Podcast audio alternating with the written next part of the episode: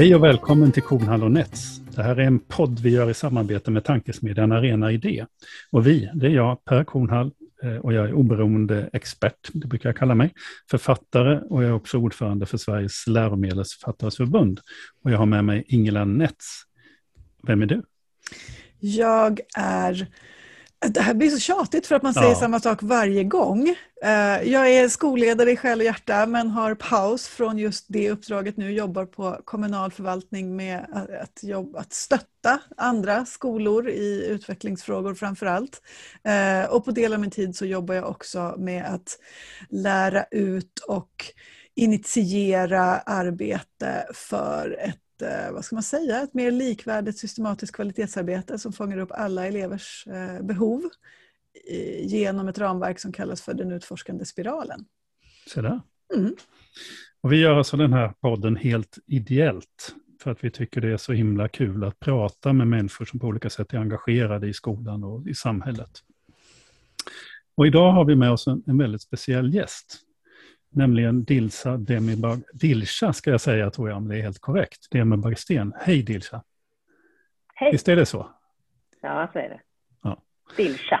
Ja, Dilsa. Jag kom på att jag har skrivit ner den längsta presentationen vi har haft någon, för jag läste på Wikipedia, jag har ju träffat dig i olika sammanhang, men jag, jag blev så imponerad av den här listan, så jag kommer läsa upp i princip det som står där. Det står att du kom till Sverige som sexåring, att du växte upp i Uppsala och Karlstad. Du har en historia av att du har blivit bortförlovad i tidig ålder, står det. Att du bröt förlovningen, umkom med tvångsäktenskap, flyttade till Stockholm, arbetade åt Riksteatern, åt Amnesty och sen blev du sakkunnig åt integrationsminister Leif Blomberg. Du har varit engagerad mot, i kampen mot kvinnoförtryck och hedersrelaterat våld. Eh, politisk liberal står det. Du har varit engagerad i föreningen, liksom jag, i Humanisterna och säger sig verka för ett sekulärt, demokratiskt och jämställt samhälle. Det, det är väl väldigt många av oss som gör. Men du syster med artisterna Dilba och Dilnarin och Dilber och Assad. Eh, bara för en generation sedan så bodde du, din stam, står det i Wikipedia, Bertian i tält uppe i bergen, i Bingöltrakterna kring Eufrats källor. Alltså det här låter ju så poetiskt så det är inte sant. Eh, du har skrivit om det armeniska folkmordet du har varit ledamot i globaliseringsrådet, suttit i kulturrådets referensgrupp. Du har varit styrelseledamot i Allbright, i Riksteatern, Svenska institutet, Linnéuniversitetet, Röda Korset, Humanisterna, Tankesmedjan Fores, har styrelseuppdrag i Stiftelsen Nobel Center, Institutet för framtidsforskning, Pressens opinionsnämnd. Du har varit sommarpratare programledare i TV8 och Ring P1 och så vidare. Så vet jag att du dessutom nu har ett uppdrag att sitta i läsrådet, regeringens läsråd, och du är också initiativtagare och, och eh, eh ansvarig för verksamheten på Berättarministeriet.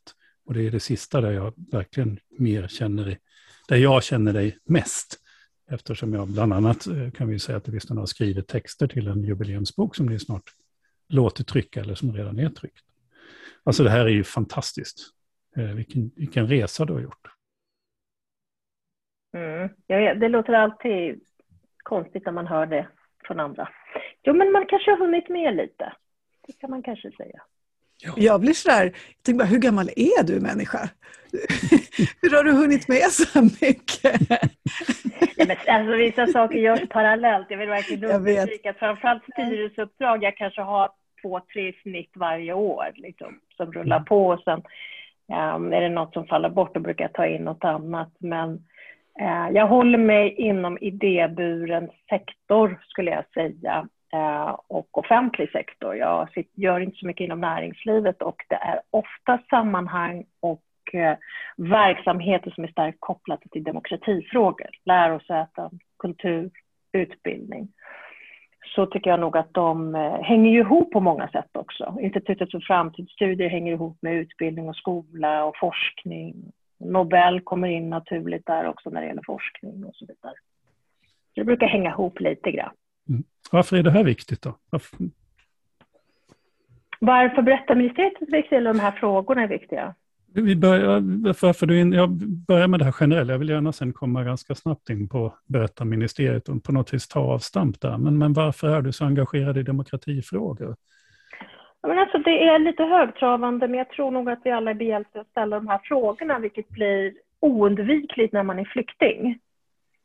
Um, när, när livet och tillvaron kan rasa i stort sett på bara liksom ett ögonblick i vissa fall när det gäller bombningar av Beirut eller om vi ska ta så vidare. Men det är på något sätt som att eh, tillvarons förgänglighet blir väldigt närvarande.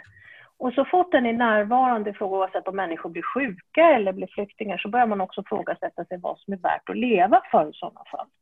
Om den korta tillvaro vi har på den här jorden är så pass förgängligt och det är verkligen skört, så vad ska man göra av den här tiden?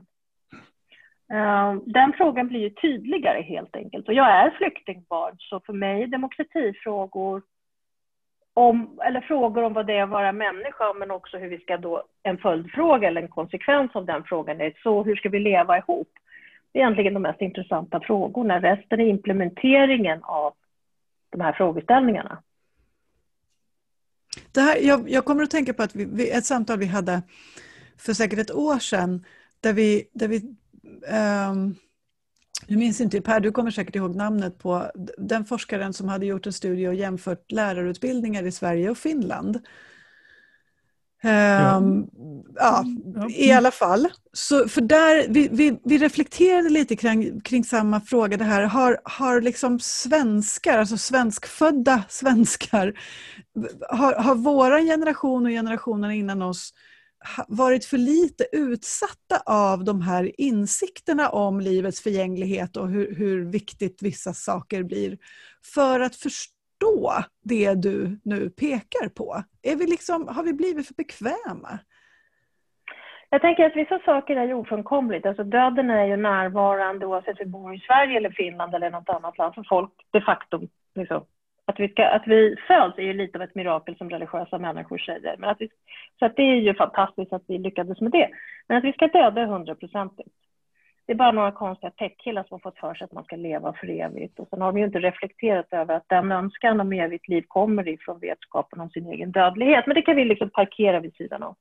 Men, men jag tänker att, att den frågan är närvarande, men sen kan man ha ett kollektivt minne och föra ett offentligt samtal kring den. Att vänta, våra resurser är begränsade, vår tid är förgänglig. Vad är det vi ska göra tillsammans för nästa generation? Så hur prioriterar vi de här frågorna? Det blir till slut politiska frågor, eller hur? Det blir rent av partipolitiska frågor. Så det är klart, i, i det avseendet har ju Sverige på väldigt kort tid blivit bekvämt. För det är inte så länge sedan vi är ett nyrikt bondesamhälle som har liksom varit statare, om vi ska vara sådana. Så, så ett, ur ett historiskt perspektiv så kan man tycka att det är märkligt att vi har blivit bekväma på så kort tid. Men å andra sidan, det är mänskligt. Det finns också en, en god sida att vi inte har ett nationellt trauma att förhålla oss till på samma sätt som många andra nationer har. Det kan vara krig, det kan vara vad det nu är, ett svältkatastrof. Vi har inte det, inte än. Och det var länge sedan vi hade, jag menar klimatet kan säkert bjuda på ett och annat sånt som vi Eh, inte har räknat med och inte politiskt kopplade i bemärkelsen av, av liksom konflikter med våra närliggande länder. Men vi är också en nation som visar tecken på att lida av frånvaron av de här frågorna. Ungdomskultur, kulten är ju en sådan. Liksom. Vi hade, ett tag hade vi tre partier som hade partiledare som var under 30 år. Det tyckte vi var en bedrift. Och det är ju ingen, det är inget fel på att vara partiledare under 30, men det är inget självändamål så att säga. Eh, för att det signalerar också den här äh, rädslan för det som närmar sig det ofrånkomliga, skulle jag säga, döden då på ett personligt nivå. Så liksom, vi är en nation som i vår bekvämlighet och med de fördelar som välfärdssamhället ger, som jag inte skulle vilja ersätta, men det är ändå, måste kunna tala om baksidan, håller på att underminera oss själva just på grund av att vi tror att det är självgående. Och det är det inte. Det är verkligen inte det. Nej, och du, och du har ju pekat på, jag vet att du någon gång vid ett tillfälle har sagt att, att du och Åsa Lindeborg, som ju skrev en uppväxtskildring från Västerås, ifrån sin arbetar, uppväxt, en uppväxtskildring från sin, med sin arbetarbakgrund i Västerås, att ni diskuterade om ni hade kunnat göra samma klassresa som ni båda så att säga har gjort i mm. dagens samhälle. Och ni hade mm. två helt olika svar på det. Mm. Och, och jag tror, eller jag vågar säga att Åsa, det samtalet skedde i en podd som vi har på Berättarministeriet som finns också ute om man är intresserad. Men där reflekterade vi över idag, om, vi hade kommit till, om jag hade kommit till Sverige idag, sex och ett halvt år, och Åsa hade varit jämngammal med mig, trodde hon att hon skulle, inte om jag skulle göra utan om hon själv skulle göra den klassresa hon har gjort. Då sa hon att det trodde hon faktiskt att hon skulle kunna göra, kanske lite svårare men ändå. Och jag skulle absolut inte göra den. för det gör jag, att jag sitter här och podd och pratar med er och har det där CV som ni rabblade upp, det har jag ju framförallt de alternativa vuxna um, omkring mig i form av lärare och bibliotekarier att tacka för. Så att det, fanns, det finns ett system i, i, som följer med den människosynen som följer med eller som speglar de här frågorna som jag pratade om tidigare. Så vad är ett gott och värdigt liv? Det är det här, okej, okay, då måste vi ha en upplyst medborgare som kan göra dessa val i sådana fall. Och det ser inte ut så. Vi pratar ju på samma sätt som att Sverige var kvar i vissa avseenden eh, på 60-70-talet. Och någonstans där sen i 80-talet började det väl braka samman lite grann. Eller då får vi New Public Management, vi får bostadssegregationen som en följd av utförsäljningen av, av eh, allmännyttan och så vidare. Men eh, vi är ganska långt ifrån det nu, skulle jag säga. Det som, det som möjliggör en klassresa, det som möjliggör klassresor som definierar meritokrati som i sin tur legitimerar demokrati som politiskt styre. Det där tycker jag, din fråga. Ja, men det är ett skitbra svar, för jag menar just den där, vi säger att vi, vi kanske är bekväma på det sättet att vi har inte sett förändringarna som har skett i vårt eget land. Jag tyckte det var lite det vi var inne på. Men, men där din upplevelse är att det finns en, en stor skillnad i hur det skulle vara att komma till Sverige nu jämfört med hur det var då. Och det har ju sin koppling till, tycker jag, till Berättarministeriets verksamhet och, och de här drivkrafterna. Eh, så vi kanske ska komma in på Berättarministeriet. Så förklara för oss, varför startar man ett sånt? Varför sätter man en... För de som inte vet vad Berättarministeriet är, så är det bland annat en lokal med en super, alltså en, en affär för utomjordingar. Alltså det första man som besökare på de här utbildningscentren Hitser är en affär för utomjordingar där du kan köpa raketbränsle och glasögon om du råkar ha tre ögon och solglasögon för tre ögon och så vidare. Och så vidare. Varför startar man en sån här verksamhet och var gör man det och så? Jag är glad att du låter så, så självklart. Men det är klart att det finns en affär för utomjordingar. För själv brukar det låta som att jag rökt på när jag ska försöka förklara. jo, men vår pedagogik, så bara, äh. jag, är inte, jag är inte där än att jag kan beskriva det. Men det är naturligtvis ett pedagogiskt grepp som är eh, alltså förmomentet innan barnen kliver in i en fiktiv, ett fiktivt bokförlag där de ska möta medarbetare och, och förlagschefen, då, den här buttre redaktörsvärld, som inte tror att barn har fantasi. Och då hjälper ju medarbetarna barnen att, att motbevisa helt enkelt denna buttre redaktör. Nej men alltså, eh, Robert Weil och Sven Hagströmer, som vi alla tre är väldigt goda vänner, vi har känt varandra snart i hundra år och vi konstaterar att vi var alla skruvade på oss inför den utveckling som vi såg framför oss och som vi visste skulle leda till politisk oro. Två av tre av de här moskatörerna som vi är, är ju flyktingbarn, eller barn till flykting och jag flykting. Och sen Hagström är denna adelsman, hur han och den här trion, det vet vi inte, bara allmänt förvirrad adelsman kan vi väl säga, eller jag vet inte vad vi ska säga, men han identifierar sig starkt med de här frågorna. Han är ju en, en renässansmänniska, liksom, han har ju Voltaire som förebild, det kanske säger något i alla fall. Jag kan ju säga det till, till lyssnarna, att jag har ju intervjuat dig och de här två herrarna tillsammans. Och det, det var det mest Ja, det var ju det var som en rodeo med tre hästar kan jag säga, som liksom sprang åt olika håll, men, men, men någon sorts gemensamt syfte någonstans i mitten. Fantastiskt roligt samtal. Ja, fortsätt. Tack. Ja, men så är det också. Vi, har lite, vi kommer från lite olika politiska håll. Eh, men eh, vi, vi, när vi diskuterar de här frågorna och kände, kände den här oron så skulle vi gå från ord till handling, för ingen av oss är några ja, som sitter och tittar på, utan ja, men då så, det är väl bara att kavla upp armarna och göra det ungefär. Lite mot bättre vetande ska jag säga också just i de här frågorna, i och med att det inte är vår expertis, eh, skolan och utbildning i det avseendet. Och jag kan väl liksom understryka för lyssnarna att ingen av oss har en enda poäng i pedagogik. Och Robert och Sven skulle nog klara ett klassrum ganska bra, men jag är nog en direkt fara på klassrummet. Men det är inte det som är frågan. Man, det som är fiffigt är ju att man inte behöver göra allt själv. Det finns ju människor som kan göra det här mycket, mycket bättre än vad vi gör. Men vi skulle kunna initiera det här och vi tänkte vad har vi att förlora på att ge oss in i skolan och försöka stötta lärarna? För det insåg vi att det var det vi kunde bidra med, inte liksom alternativa skolor och så vidare, utan den kåren som har mandatet och vårt förtroende har den kompetensen, men som just nu kanske har ålagts lite för mycket andra uppgifter än att undervisa där kanske vi skulle kunna vara behjälpliga. Och, och det här kom vi fram till inte så där omedelbums. Det var ju föranleddes av ungefär fem års diskussion och samtal, många middagar och ganska många rejäla gräl också. Det vill jag ge de här herrarna credit för att de, de drar sig inte för att vara tydliga och liksom säga sin åsikt. Och det är otroligt skönt för mig som är van vid att göra detsamma. det är inga konflikträdda människor här. Tvärtom, vi ser det som att just den här dynamiken gör att vi är där vi är. Men med det sagt så vad vi än hade för idé och tankar, det började liksom en think tank med en konsthall, vi hade alltså ett jättespektra och under, till varje möte så hade någon hittat något nytt så här fantastiskt eller någon ny person som vi skulle dra in. Men liksom, ju mer vi gick igenom den här tiden och processen, vilket var liksom ett, en utbildningsresa för oss och en bildningsresa, för vi är sådana som också älskar att dela ut böcker och ge varandra böcker, så kom vi fram till att vi måste till grundskolan, för naturligtvis var en professur på tal också. Nej, vi ska till grundskolan. Egentligen, om ni frågar mig, så jag delar den här hemligheten, för jag hoppas någon plockar upp bollen. Man borde, borde egentligen börja BVC, men vi började i skolan.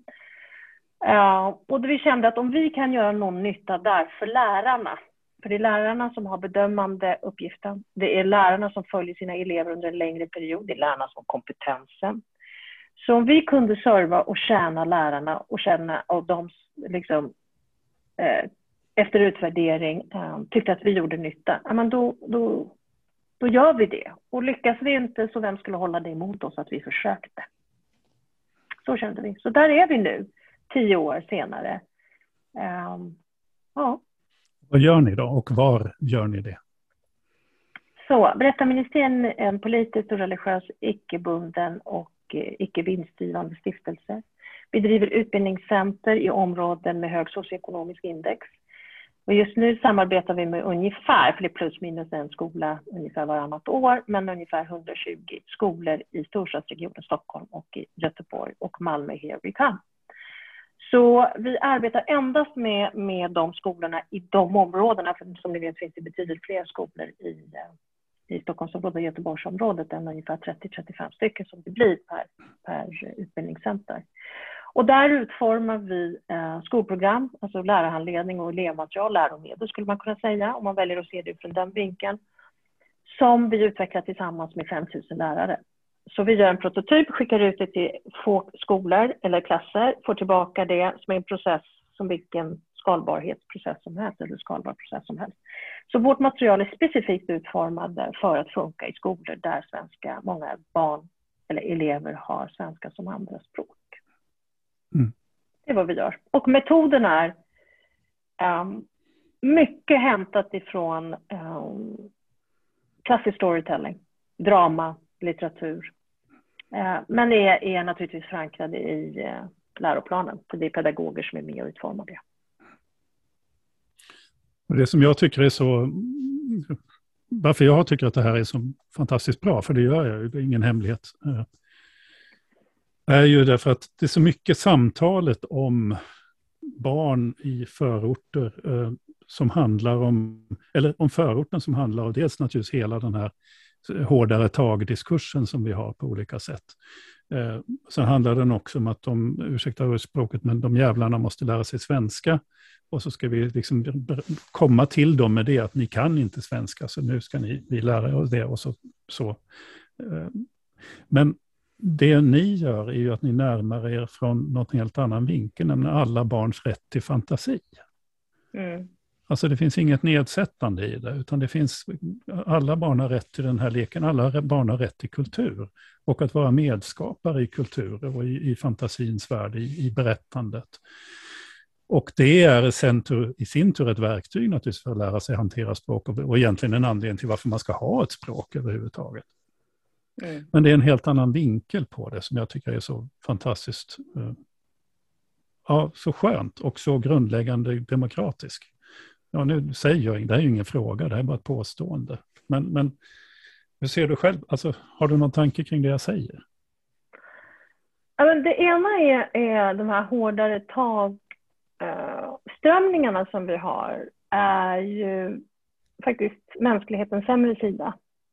Den, den som inte vädjar till det som är grasfyllt med att vara människa, det vill säga försoning, förlåtelse, utveckling, eh, vänlighet, kreativitet, allt det som är vackert med att vara människa. Så vi, liksom, den här stämningen som hetsas upp, medvetet men också omedvetet, men väldigt medvetet av delvis marknaden, om vi pratar techindustrin som inte är reglerad liksom, och behöver regleras. Eh, men också politiska strömningar som vinner på det och den här symbiosen mellan eh, den typen av masskommunikation som möjliggörs genom tech, framförallt sociala medier, men inte enbart, utan algoritmerna som hetsar på där, är ju en, är, är ju en, eh, en affärsidé. Um, den appellerar ju till ganska starka krafter som vi alla har inom oss. Du och jag och Ingela, du har ju det också. Vi har alla det här med ilska, hat och aggression. Och den är ju så tacksam att appellera till, mycket mer än att vi ska försonas eller vädja till långsammare och trögare processer. Och allt som är värt att kultivera är ju sega processer. Och kreativitet är ju en sån sak, att vädja till människans kreativitet som sen vi vet i stora, är ju det som ligger bakom all fram, mänsklig framsteg. Det börjar ju tidigt med barnen, att lustfyllt skapa mening och motivation för lärande. Det här är ju lärarna experter på. Men om något, den offentliga diskussionen kring, kring barnen eh, som, som ju kanske inte har haft rätt förutsättningar. Jag skulle säga att det inte bara är invandrarbarnen eller barn med språk, svenska som andra språk, utan vi pratar ju om också vissa barn eller unga personer som white trash. Uh, unga killar ofta som vi tycker att vi plötsligt har rätt att kalla för både det ena och andra, att de inte delar vår politiska åskådning. Där är det också, tycker jag, finns en, samma tendenser som, som man har gentemot invandrarkillar. Så att man dömer ut väldigt hårt. Och det som var så elegant med Sverige och som jag tror att många flydde till Sverige till när jag var liten var ju det att det var ett samhälle som gav människan en chans från början men längre fram ytterligare fler chanser att återhämta sig. Jag tycker nog att man kan eh, definiera ett samhälle utifrån det. Hur, hur, hur många möjligheter finns det för en människa att få komma tillbaka om man faller, om man gör dåliga val i början eller i vissa fall blir sjuk och så vidare. De där strömningarna är, leder oss faktiskt ingenstans. Den leder oss varken i en sammanhållning, men rädda samhällen utvecklas inte. Uh, är stor, större liksom, fram, framstegsperspektiv. Men också på individnivå. Vem av oss tycker det är kul att bli inbankad med saker? Och själv har jag alltid varit så. Att, om jag ställer frågan varför ska jag göra det här och det inte finns ett vettigt svar, förstår jag varför jag ska kliva upp ur sängen. Varför skulle jag ens tänka mig göra det här? Ni kan ju tänka vilken elev jag var i klassrummet, jag tror att ni får en hint. uh, men, men så är det fortfarande. Alltså jag måste ha svar, meningsfullt svar på varför innan vi ger oss in i ett samarbete, innan vi ger oss ett, eh, in i eh, någon ny liksom, verksamhet eller projekt. Uh, och barn har det naturligt. Alltså, du kan inte hoppa över det rent, rent kognitionsvetenskapligt. Du kan inte hoppa över den delen och tro att du kan banka vett i människor. Det är så förlegat människosyn också om ni frågar mig. Det känns ju så medeltid. Mm. Fick du svar på det? Ja. Okay. Jag måste få återvända Jag måste få återvända lite till, för, för vi möttes ju dels när, när, när Berättarministeriet startade i Södertälje. Var det den första, första mm. platsen också? Visst var det så? Mm. För att jag minns, det här är ju drygt tio år sedan nu då, där, där jag minns att jag i min roll på förvaltningen då också satt med i en del samtal när vi liksom skulle hitta det här balansen i att också möta liksom lärarnas behov, att, att göra lärarhandledningar och liksom koppla till läroplan och sådär. Um, nu så här i backspegeln, det finns ju så oerhört många som har liksom svaren på skolans problem, tänker jag generellt, och som vill liksom sälja in sina svar eh, till skolan. Och det gör att, att skolan som, som system, tänker jag, ganska ofta är väldigt skeptisk till mm. alla de här idéerna som kommer. Uh, för det tar tid och någon annan ska tala om för en vad man ska göra. Liksom. Hur, hur var den resan när, när Berättarministeriet startade? Alltså det var ju mot bättre vetande. Det var vissa saker vi tog med oss som, som vi visste. Och det var att folk var väldigt projekttrötta. Alltså mm. förorten är så projekttrött. Mm. Det finns ju så många idéer och alla vill hjälpa till, men det är ofta så här två år, sen orkar inte man mm. mer. Sen har ju vi en viss skolning i, eh, i hur tufft det är att starta saker och ting. Uh, att det är en process, att, att blicka bortom sig själv och här och nu, utan se det ett större perspektiv, att de flesta verksamheter, oavsett det är företag eller NGO, överlever inte tre år. Och att det första året så har man egentligen ingen aning om vad man gör. Om det är helt nytt, jag menar starta en ny reklambyrå, det finns det liksom lite grann av prototyper, men om man startar helt nya verksamheter så ska man vara väldigt ödmjuk inför de tre första åren. Sen är det ju också starkt kopplat till personer som är involverade. Ehm, jag menar, jag har alltid, vad är det värsta som kan hända? Vi får ett nej. Jaha, då går vi väl vidare då, ungefär. Så att vi har ju uthålligheten också eh, som en del av vad vi är på Berättarministeriet och de personer som var involverade från början. Men sen är det klart alltså att varenda person som i början har varit hjälpsam genom att öppna dörrar men också ställa kritiska frågor har ju utformat oss. Eh, och eh, jag vet att eh, Anders Lago som nu sitter i vår styrelse, han var ju kommunalråd, han sa förbifarten, de tycker du är skitjobbiga i kommunhuset, med kärlek alltså. So what? So be it! Om jag får liksom hjälp av skolan så kan jag leva med det. Och det är också en personlig egenskap. Så att um, nej, det är många som inte överlever, många vill in, uh, men och man kan tycka ibland att vilken tur vi hade. Jag säger bara som Ingemar Stenmark, jag vet ingenting om tur, jag vet bara att jag har mer tur ju mer jag tränar. Så att uh, jag vet inte, jag tror timing, absolut. Det fanns en gemensam, en ganska bred samsyn om att vi behöver nog samverka. Eh, det fanns en, eh, vi var tydliga med att vi har respekt för det offentliga uppdraget. Eh, vi förstår marknaden och vi förstår politiken. Vi förstår att det är olika drivkrafter, kulturer och mandat. Vi har respekt för alla tre. Men mellan oss och privata sektorn är det en jättetydlig rollfördelning. Eh, den tror jag har varit viktig och behjälplig. Vi har inte försökt sälja på något i slutändan. Ehm, vi har förstått att vi ska vara ödmjuka och eh, mer tacksamma över förtroendet än att nu ska vi tala om ni vet, vi är så jävla duktiga i näringslivet, vi har byggt stora företag, så nu minsann blir det ordning på torpet och killarna ska vara vattenkammande. Det liksom, funkar inte. Men vi har stött på det, men samtidigt och när det gäller Södertälje så kommer vi alltid älska Södertälje som gav oss ett hem, köpte lite grisen i säcken. Södertälje säger ju ja till det mesta och det finns både baksidor säkert av det, men å andra sidan så har man ett krismedvetande på ett annat sätt än många andra kommuner har. Eh, någonstans valde man att lita på oss och det hoppas jag att man fortfarande känner att man kan, men också att ingenting man ångrar.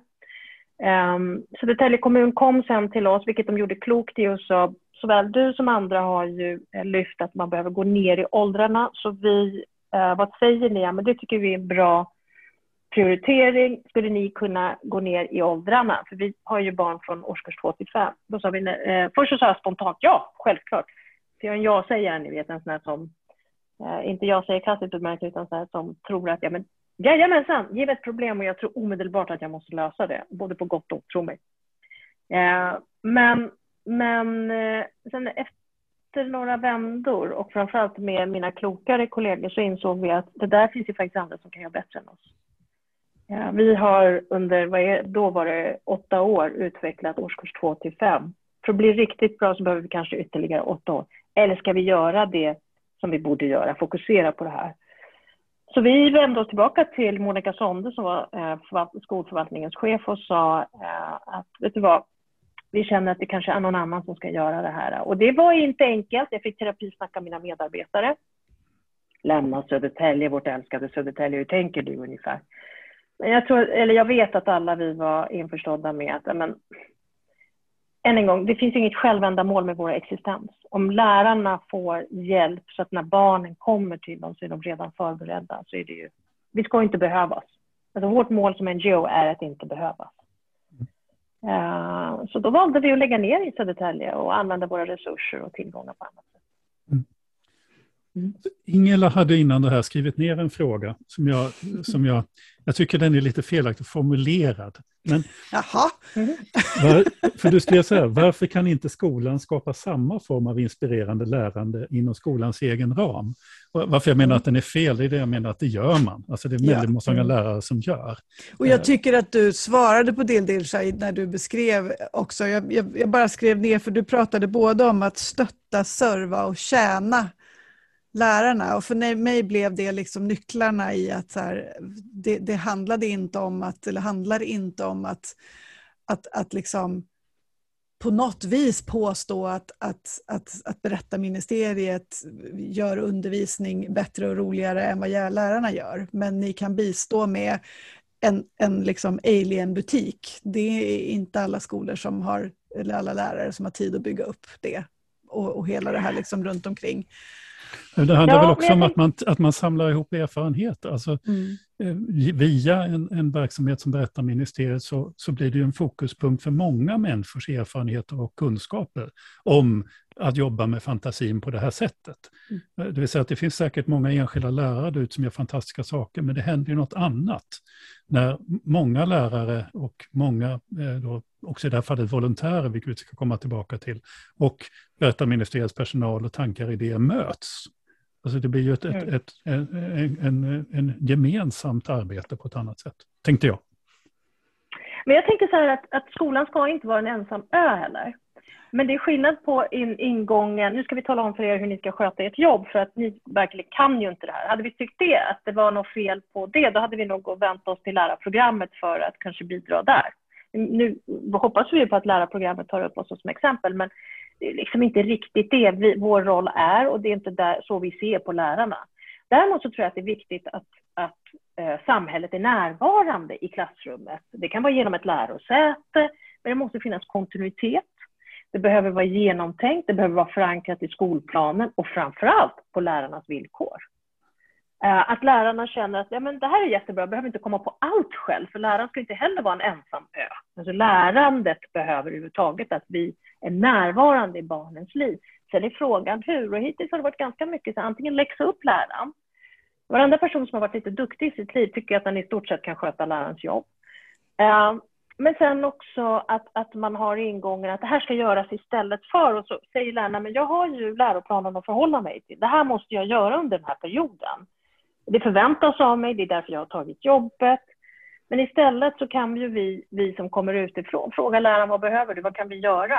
Eh, så alltså, vi kommer ingenstans med att underminera den, den eh, yrkeskår som både har samhällets förtroende och mandat att bilda och utbilda nästa generation. Vi kan stötta, vi kan tjäna och vi kan stärka. Det är det vi utomstående ska göra. Jag har ju intervjuat en del lärare som har varit med i verksamheten och som är väldigt, väldigt tacksamma för den och glada för den och inspirerade av den.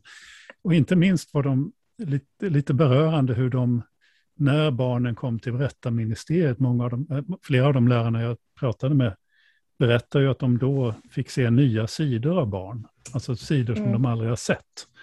I och med mm. att de får vara med och så att säga, de sitter bakom ett, fysiskt bakom ett skynke och ser vad som pågår och hur samtalet mellan barnen och eh, volontärerna och ledarna eh, utvecklar sig. Och det är ju bara det är en ganska fascinerande möjlighet för en lärare att få se sin klass utifrån. Det kan ju vara så att man som enskild lärare inte reflekterar över att det som sker på berättarministeriet är egentligen summan av utvärdering av 5 000 lärare, utan man ser ju sin ingång när man kommer in dit och tänker åh, förhoppningsvis tänker vad härligt i den feedbacken och återkopplingen vi får ifrån lärarna. Men, men, men att det kan vara så där fantasifullt, alltså, det är ju liksom som jag, som jag sa, hårt arbete, mycket utvärderingar ständigt ifrån lärarna. Alltså varje program, exakt varje program, det, det är ungefär 56-57 000 barn som har gått de olika programmen just nu, är utvärderas av läraren. Så att jag menar, att det funkar är ju, är ju den beprövade erfarenheten som kliver in i våra utvärderingar. Mm. Mm. Men vet du vad, jag måste berätta en rolig sak. När jag började så var det rätt ofta jag hörde från sakkunniga och framförallt från akademin att ja, men det är ju fint att du har de här utvärderingarna och vi har varit lite noga med våra utvärderingar, att de skulle liksom harmonisera med Skolverket så att man, vi inte skulle få på liksom, fingrarna av att vi inte utvärderade rätt och så vidare. Så vi vände oss till Ramboll och sa, hej, kan ni göra det, utvärdera och hjälpa oss med att utforma våra utvärderingar på samma sätt? Och jag tror att det var en, en um, ögonöppnare för mig när jag lite väl ofta fick frågan, ja men det är ju fint att ni utvärderar så här, gedigna utvärderingar, kvalitativa, kvantitativa, toppen, det här är jättebra och lärarna är nöjda. Men har ni någon teori på det? Och eh, ja, i, min, i mina sämsta stunder var jag, Per känner mig lite bättre kanske, så var jag nästan nära på att säga 5 000 lärare tycker att det funkar, alltså funkar det. Så kan du sätta ihop din lilla teori kring det om du vill ungefär. Men vad jag försökte uttrycka med, med det liksom är vi har kommit så långt ifrån uh, den beprövade erfarenheten, det vill säga praktiken, att det finns en diskrepans, ett lite för stort avstånd mellan teori och praktik just nu, som direkt är farlig för skolan. Får jag bara för, för jag, jag uppfattar inte riktigt, vem, vem var det som ville ha en teori? Måste vi hänga ut namn också? Nej, nej, inte personer. Nej, nej, nej. Var, det, var, det, var det Skolverket eller var det, var det forsk, forskare? Alltså var... Nej, forskarvärlden skulle forskarvärlden. jag säga än Skolverket. Mm, jag känner att Skolverket har den erfarenheten, har den dialogen med skolor och mm, rektorer. Sen har ju Skolverket, precis som de flesta av våra demokratiska institutioner en utmaning att nå dem man behöver nå mest. Det mm. gäller även våra kulturinstitutioner. Mm. mm. Utan det här är, det här är eh, på forskningssidan. Vad vill jag ha sagt med det? Jag vill säga det nämligen helt enkelt att vi behöver liksom kliva tillbaka i skolan allihopa. Vi behöver lyssna på lärarna, vad lärarna behöver. Inte tala om för lärarna, jag har en fin teori, eller nu har vi ett nytt system kring det och det. Alltså, lärarna är ju begåvade, kreativa personer som kan sitt klassrum bättre än vad vi kan. Lärarna är på plats, lärarna går dagligen dit och lärarna hittar lösningar i det dagliga arbetet som vi kan skala upp och, och ta till oss. Och det är så man utvecklar verksamheter överhuvudtaget. Uh, och det avståndet är lite för stort just nu. Uh, och det, det, är en lärdom jag tog med mig i arbetet att oj, just det, var i klassrummet, jobba nära läraren, fråga ständigt läraren vad ska vi göra, funkar det? Och lärare är ju pedagoger så att man får ju ett väldigt bra svar tillbaka. Det är inte så att man behöver tyda tecken direkt som det kan vara i vissa andra profiler utan men lärare kan ju, är ju väldigt blankt med att lektion 14 och 15, där tappar de intresset. Men är det tillräckligt många lärare som säger det, då vet man att nej, det är en utmaning, då behöver vi ändra det. Eh, apropå att samhället behöver närvara i klassrummet mm. och då, då gäller det inte bara oss NGO eller roliga aktiviteter, det gäller även forskningen.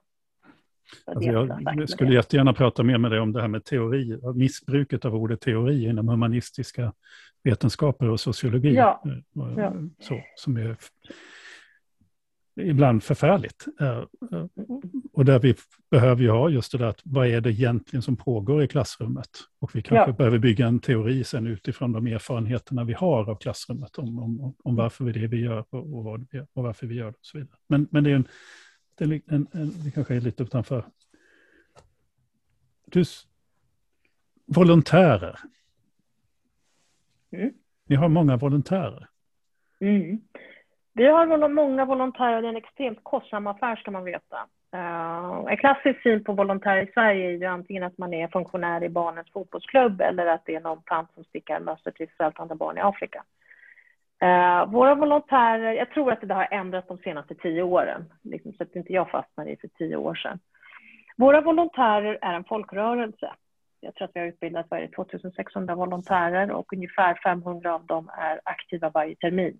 Så att det, det är liksom olika omgångar så här. Några följer med hela tiden, några kommer på vid två tillfällen, minimum två tillfällen är det som gäller. Så de rekryteras, utbildas för att vara delaktig i det här rollspelet som pågår när barnen kommer till oss. Alltid under ledning av två medarbetare, alltså anställda medarbetare som, som är pedagoger, som är professionella och vägleder och så vidare. Och av säkerhetsskäl har vi naturligtvis ett system kring det där. Men våra volontärer är alternativa vuxna eh, som vi ser som en folkrörelse som vi engagerar i den här frågan.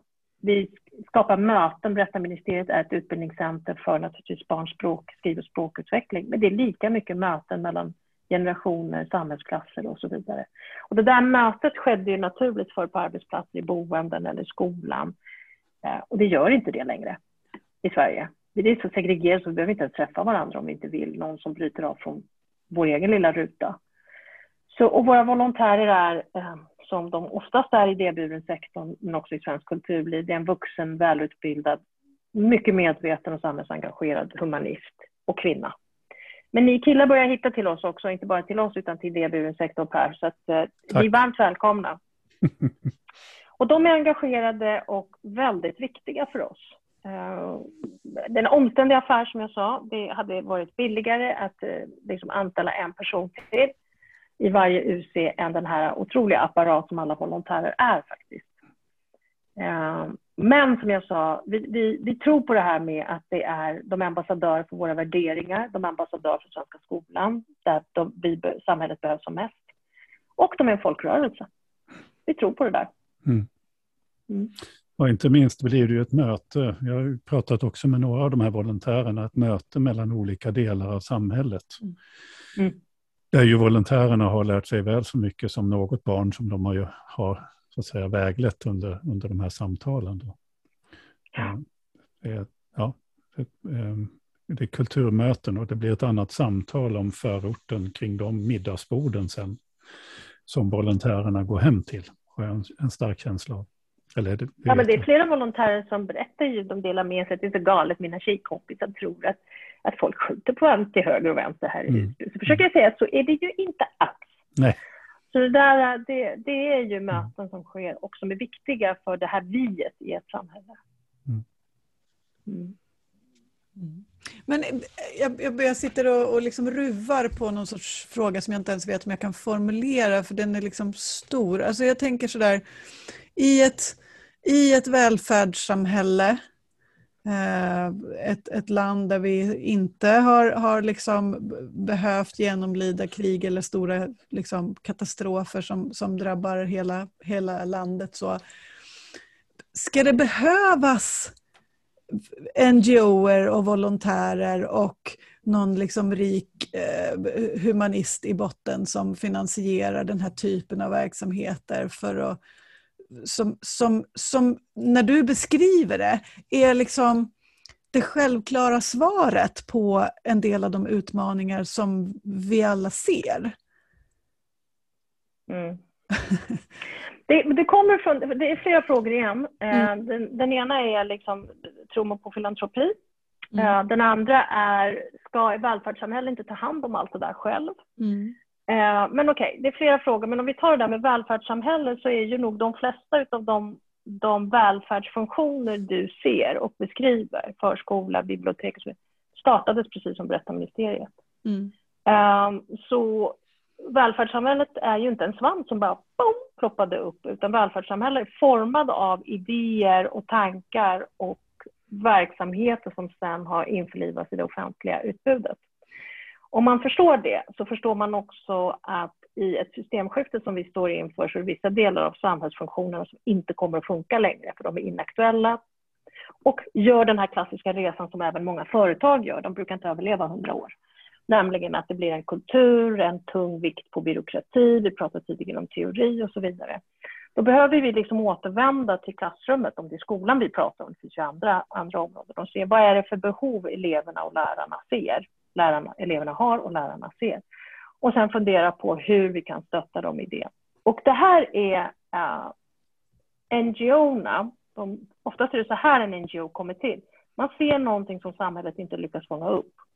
Så engagerar man idealister, ja, oftast aktivister också i början. Sen kanske man överlever, får någon att finansiera det där. Det är en evig kamp om finansiering förstås för de flesta. Och sen ser man till att, att uh, försöka få någon systematik kring det här uh, och se om det på något sätt kan vara, och sen införlivas i det offentliga. Så det är ett flöde av, av initiativ och verksamheter som går ut och in i en välmående samhälle. Tror man att välfärdssamhälle är en ruta och den kommer att röra sig så, för så är det inte. Men, men, och den andra frågan är det du menar, det ska, ska får, ska man vara beroende av allmosor? För det kan jag få höra också. Men vad då? Ska, ska samhället vara beroende av allmosor? Svar nej. Men om det inte funkar kan vi, fan, kan vi inte sitta och titta på. Och sen har inte jag samma syn på, på vad förmögna personer är. Alltså man blir inte bättre människa av att ha pengar, vilket många verkar tro. Men man blir faktiskt inte sämre heller. Så om man har möjlighet så tycker ju både Sven, Robert och jag att man nästan har en skyldighet. Att, men finns det någonting jag kan göra bortom, jag menar, jag har i alla fall ingenting emot att det går bra för människor. Ehm, det finns en viss gräns där man kan säkert undra, är någon värd alla de här miljarderna? Men det är inte det som är frågan. Vi vill bara att lägstanivån ska vara väldigt hög och vi vill framförallt att de funktioner som vi ser som grundläggande för vårt samhälle ska funka. Och gör det inte det får man väl ge sig in i politiken, men det finns andra sätt att bidra och det här är vårt sätt. Så om eh, samhället, vissa delar inte funkar så får väl alla vara med och spela på att försöka hitta något. Och hittar vi något så är det klart att vi ska införleva det i det offentliga utbudet så att det inte är, vilken tur att Sven och Robert bor i Stockholm ungefär, till otur för er Örebro. Utan då får vi hitta ett system för det, men där sätts ju liksom det offentliga på prov också, hur mottaglig är man? Um, så jag menar, om det finns de här tre klassiska sektorerna som man definierar i Sverige som tre sektorer, eh, Ehm, um, trippelhelix har en annan, inom akademin är en annan definition på de tre sektorerna, inte definition men kombination av dem. Um, så, som jag började med, vi har stor respekt för alla tre och att de behövs, men att de har olika uppgift och har olika mandat och olika drivkrafter. Så frågar du mig så har näringslivet ingenting i skolan att göra, men staten ska inte sälja, starta frisörsalong heller. Uh, så för att illustrera att vi har olika uppgifter, men det betyder inte att vi inte kan samverka och det betyder inte att vi alla inte delar ansvaret för nästa generation. Jag skulle berätta min fråga. Det tror jag att det var. Jag ska lyssna på podden sen så att jag får liksom äh. lyssna ordentligt. Men, men skulle berättarministeriet liksom överleva som idé om det liksom blev en, en, någon sorts så här, det här, nu ska vi ha ett berättarministerium i varje svensk kommun för det här är en bra grej som behövs? Eh, Berättarministeriet skulle råka ut för precis det som alla verksamheter och där har ju vi lite liksom klassisk eh, managementteori i ryggen och eh, skulle behöva hantera det som många verksamheter gör när de ska skalas upp. Kulturfrågor, organisatoriska frågor, hela den biten. Det finns ingenting som inte säger att Berättarministeriet inte skulle klara det. Däremot så kommer säkert Berättarministeriet om hundra år gå mot en sakta men säkert död som idé. Och, och, men då hoppas jag ju på kretsloppet att det är några andra som kommer in och säger kul att Berättarministeriet var så härligt för hundra år sedan och så fiffigt funkar inte längre, utan nu behöver vi det här för samhället förändras och klassrummets förutsättningar och lärarens förutsättningar förändras också. Men, men, men behovet måste ändå få formuleras av läraren. Vad i, vad i berättarministeriet skulle du vilja skulle bli en del av det offentliga åtagandet? Ehm, jag skulle vilja se en regionalisering eh, av insatser att det fanns ett excellenscenter som är regionalt, alltså om vi bara tittar lite i historia, eh, Skolöverstyrelsen, hela den här regionala närvaron, det är en väldigt klok idé. En mer centraliserad kontroll över vad skolan och utbildning eh, håller på med. Ehm, den kommunalisering som vi har, finns säkert många sidor och tanken var god och så vidare, men det är liksom är inte optimal just nu, eh, säger hon med risk för att liksom göra mig ovän med alla kommuner. Men, men eh, alltså, vissa delar bör nog centraliseras. Vi behöver ha regional närvaro. Vi behöver en tydligare systematik i vad vi stoppar in i skolan och inte. Utifrån menar jag. Um, och sen tänker jag att, att berättarministeriet kan vara närvarande där vi behöver fysisk närvaro i form av volontärer. Jag tror till exempel inte att vi behöver åtta volontärer per tillfälle om vi ska starta i Örebro, för att ta Örebro som ett exempel. Medan om det i Stockholm är eh, de mest utsatta skolorna så skulle vi kunna täcka en hel stad i specifikt Örebro, om vi ska ta det som exempel.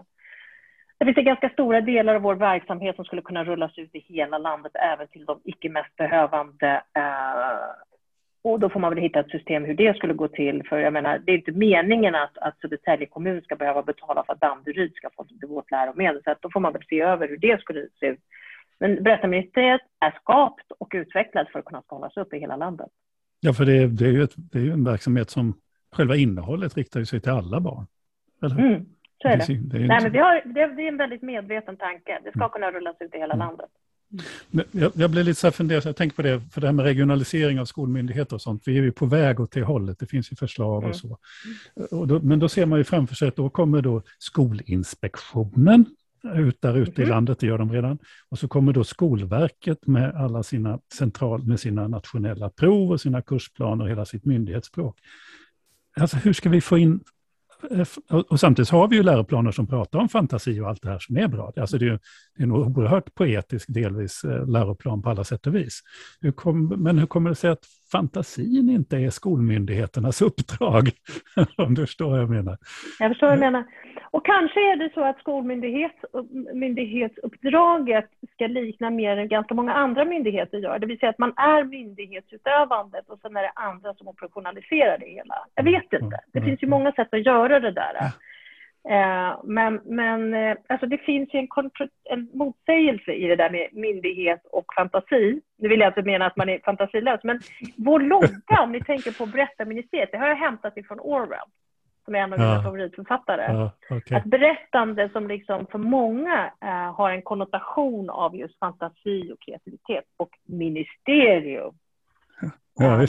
Som är lite allvarligt byråkratiskt. Ja, ja. Pensvärdet är ju också liksom att gestalta det.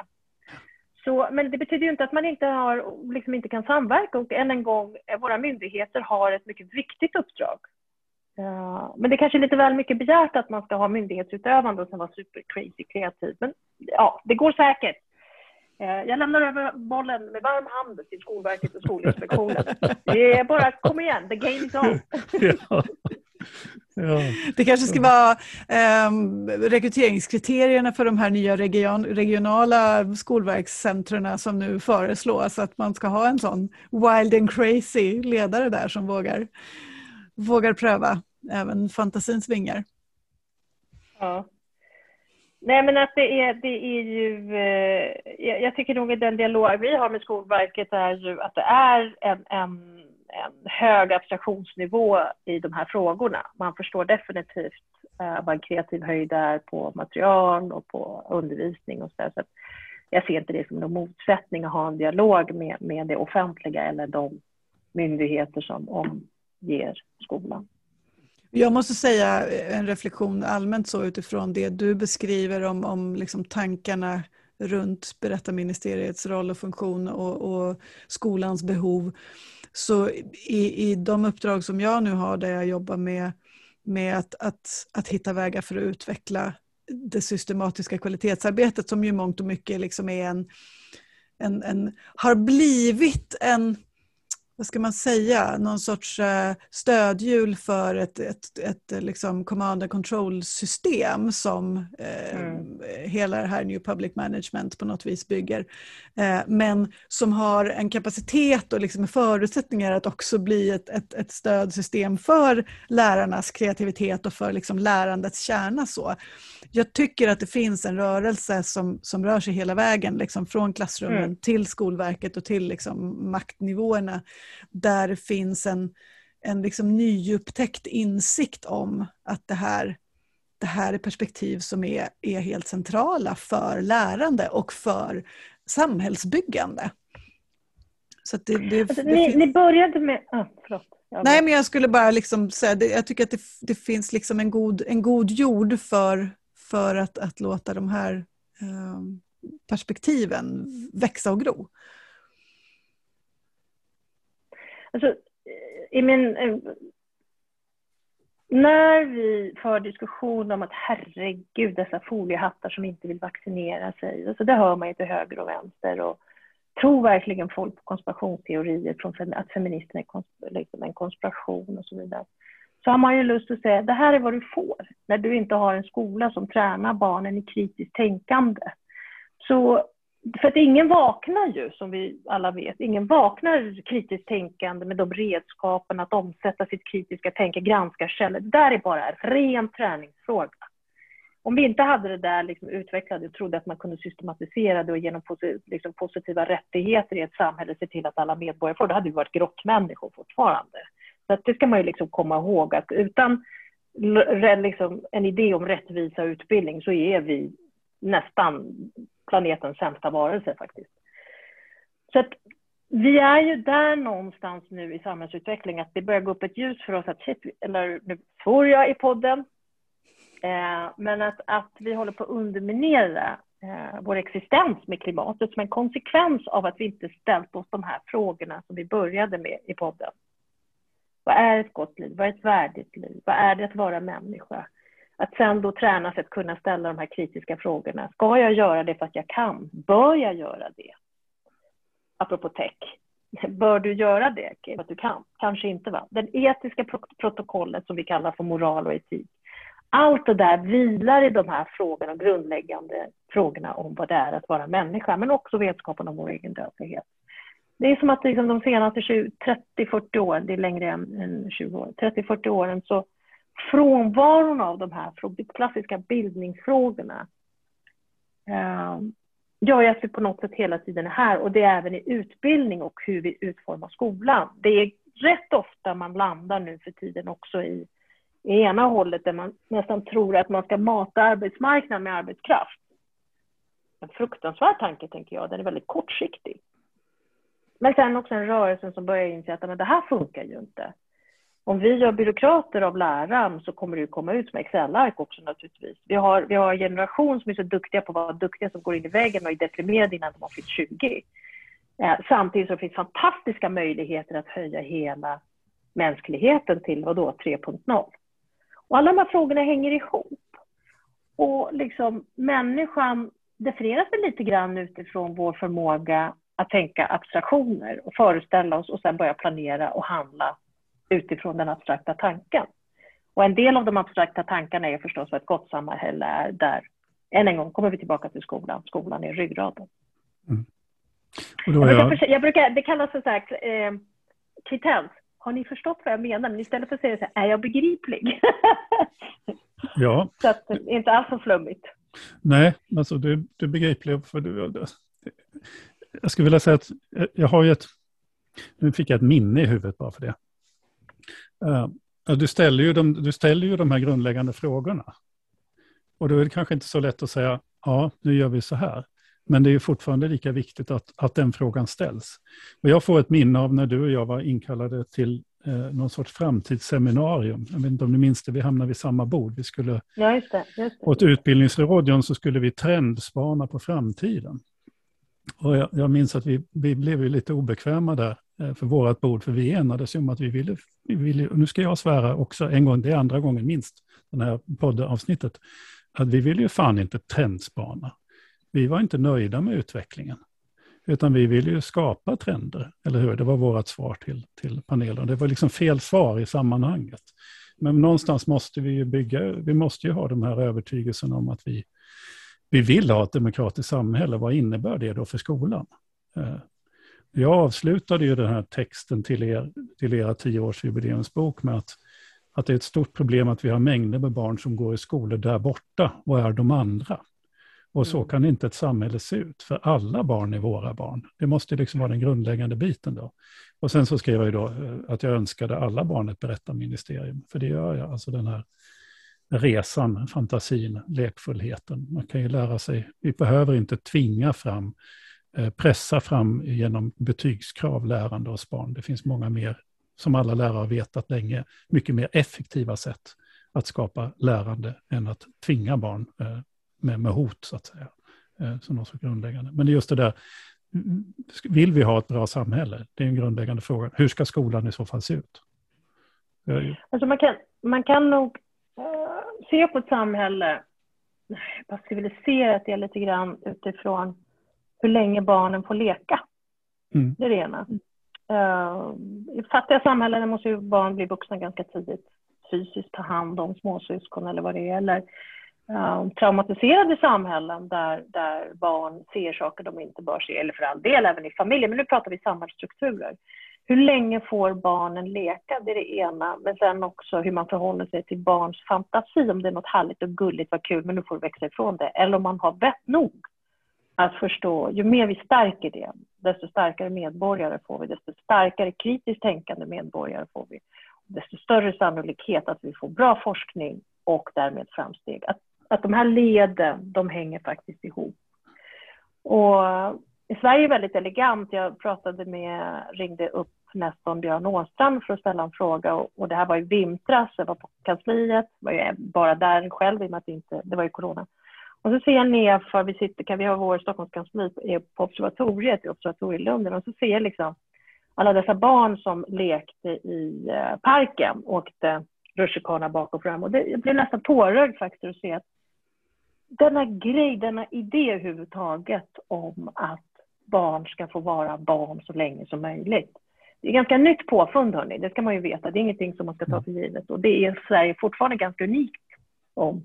Men sen också det där att inlärning är inte någonting man piskar in barn, utan det måste ske genom entusiasm, motivation och eh, lust. Mm. Vi måste ju avsluta det här samtalet, eh, för det har gått en timme. Och det där kanske var en ganska bra eh, avslutning på det här samtalet. Absolut, det var det verkligen. Det finns hur mycket som helst jag skulle vilja mm. Prata och fråga vidare om. Om politisk oro, om segregation och, och om, ja, det finns så mycket. Men vi, vi hinner inte. Nej. Så att vi får väl med det helt enkelt tacka dig Dilsa för att du tog dig tid att, att vara med oss och ge oss en bild, lite grann av de drivkrafter och tankar som, som ligger bakom bland annat Berättarministeriet. Sen skulle vi kunna ha ett program där vi pratar om läsning och så vidare. Och så vidare. Men vi får sätta punkt här och bara tacka dig för den här stunden vi fick med dig. Jag som tackar, nöjet helt på min sida. Tusen tack Dilsa. Vi säger hej till dig. Ciao. Hej. Ja. Ja. Ja, men jag menar på allvar att jag behöver liksom lyssna en ja. gång till sen för att um, det är sån hög densitet av tankar, idéer, erfarenheter och liksom, um, kunskap i det Dilsa säger. Som, och, och, det känns som att det, det kommer från en sån liksom bred, bred erfarenhet. Så. Ja, nej, det, är, det är många, många års tankar, mm. samtal, reflektioner, läsning, erfarenheter som mm. liksom kommer ut kondenserade. Så jag mm. förstår precis vad du menar. Mm. Uh, det är inte en... Man har inte tråkigt i hennes sällskap. Jag har inte träffat henne så hemskt många gånger, men det har alltid varit eh, samma upplevelse av att Alltså det här djupa engagemanget smittar, men man får ju mm. också mm. sig hela tiden en, en tankeställare och, och, funderingar som man behöver ta vidare. Mm. Därför att det är, det är, eh, som sagt, det är kondenserat, kondenserat. du uttryckte det väldigt bra, mm. att det är väldigt kondenserat, mm. hon säger. Mm. Och sen tar hela hennes resa.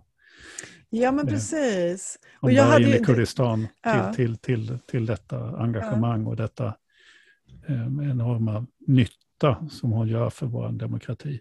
Ja.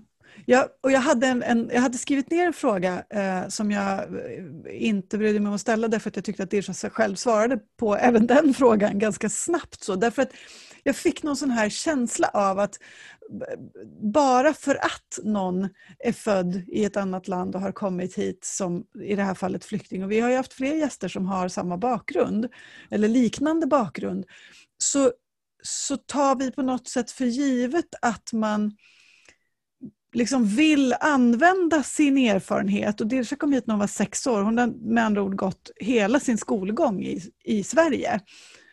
Um, men att man ändå vill använda sin erfarenhet som flykting um, i, sin, liksom, i sin gärning, i sin karriär och så vidare. Um, och, så, och så fick jag någon sån bild av att det kanske man inte alls vill? Är det här ett sätt för, för oss som råkar vara födda här att liksom ständigt återproducera någon sorts vi och dem?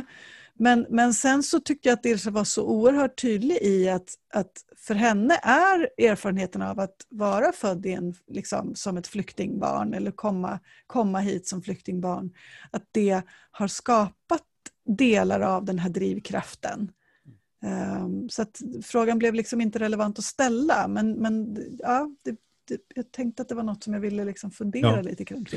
Sen är det, blir det en oerhörd alienation i ett samhälle där, där det offentliga samhället definierar alla invandrare som någonting som ja, behöver lära sig svenska. Ja. Eh, Medan väldigt många invandrare, före detta invandrare, är mm. precis som, som Dilsa. Mm. Alltså, eh, det, det, så den här retoriken är ju mm. är, är helt enkelt förfärlig som mm. vi håller på med. Mm. Och det här samtalade vi om när hon och jag och, och Sven eh, Hagströmer och, och, och, och Robert, eh, då, de är mm. grundarna till Berättarministeriet, mm. satt och pratade. För, mm. för Robert och Dilsa är ju så att säga båda invandrare. Mm. Robert från, från en judisk familj där hela mm. familjen eh, upplöstes i samband med, naturligtvis, med, med judeförföljelsen mm. under världskriget och så vidare. Eh, och det är så otroligt konstigt mm. Att vi klassar, alltså jag menar, Dilshas barn är ju officiellt liksom betraktas som invandrarbarn, men det, jag mm. menar, det, det, det, alltså det är bara så det är så fel och så förnedrande för det offentliga samtalet att vi har den här eh, förenklade bilden av vad det är som pågår i vårt land och vad, vad olika människor är för någonting. Ja, därför att vi också med liksom, i begreppet invandrare, alltså det, det konnoterar ju med någonting, någon, någon som, som liksom kan mindre, är sämre, mm. alltså så. Det, det, det, är ju, vilket är jättemärkligt. Ja. Och en, en liksom brutal förenkling av vår självbild på något vis. Ja. Ja. ja, det där i sig är ju frågor som man skulle behöva liksom, eh, ja, bottna i på många sätt. Mm. Men det ja, får vi, vi, ta en annan gång. Vi får sätta punkt här. Ja. ja. Då ska jag läsa den här avannonsen. Du har just lyssnat på ett avsnitt av Kornal och Nets. Det är en skolpodd som vi gör i samarbete med tankesmedjan Arena Idé. Och vi som gör den heter Per Kornal och Ingela Nets. I varje avsnitt så intervjuar vi en eller flera personer vars kunskaper, position eller arbete vi tycker är intressant för den svenska skolan. Om du har en önskegäst eller om det finns frågor du vill att vi ska belysa, hör av dig till oss. Du hittar våra kontaktuppgifter där du hittar podden eller du kan googla oss eller på något annat sätt hitta oss. Eh, är det så att du inte bara vill lyssna utan vill se personerna och se de här samtalen så finns det en, en, en enkel videopodd på Arena Idés hemsida och vår, vår Facebook-sida. Men med det säger vi tack för den här gången och vi hörs snart igen hoppas jag. Hej då! Det gör vi absolut. Hej då!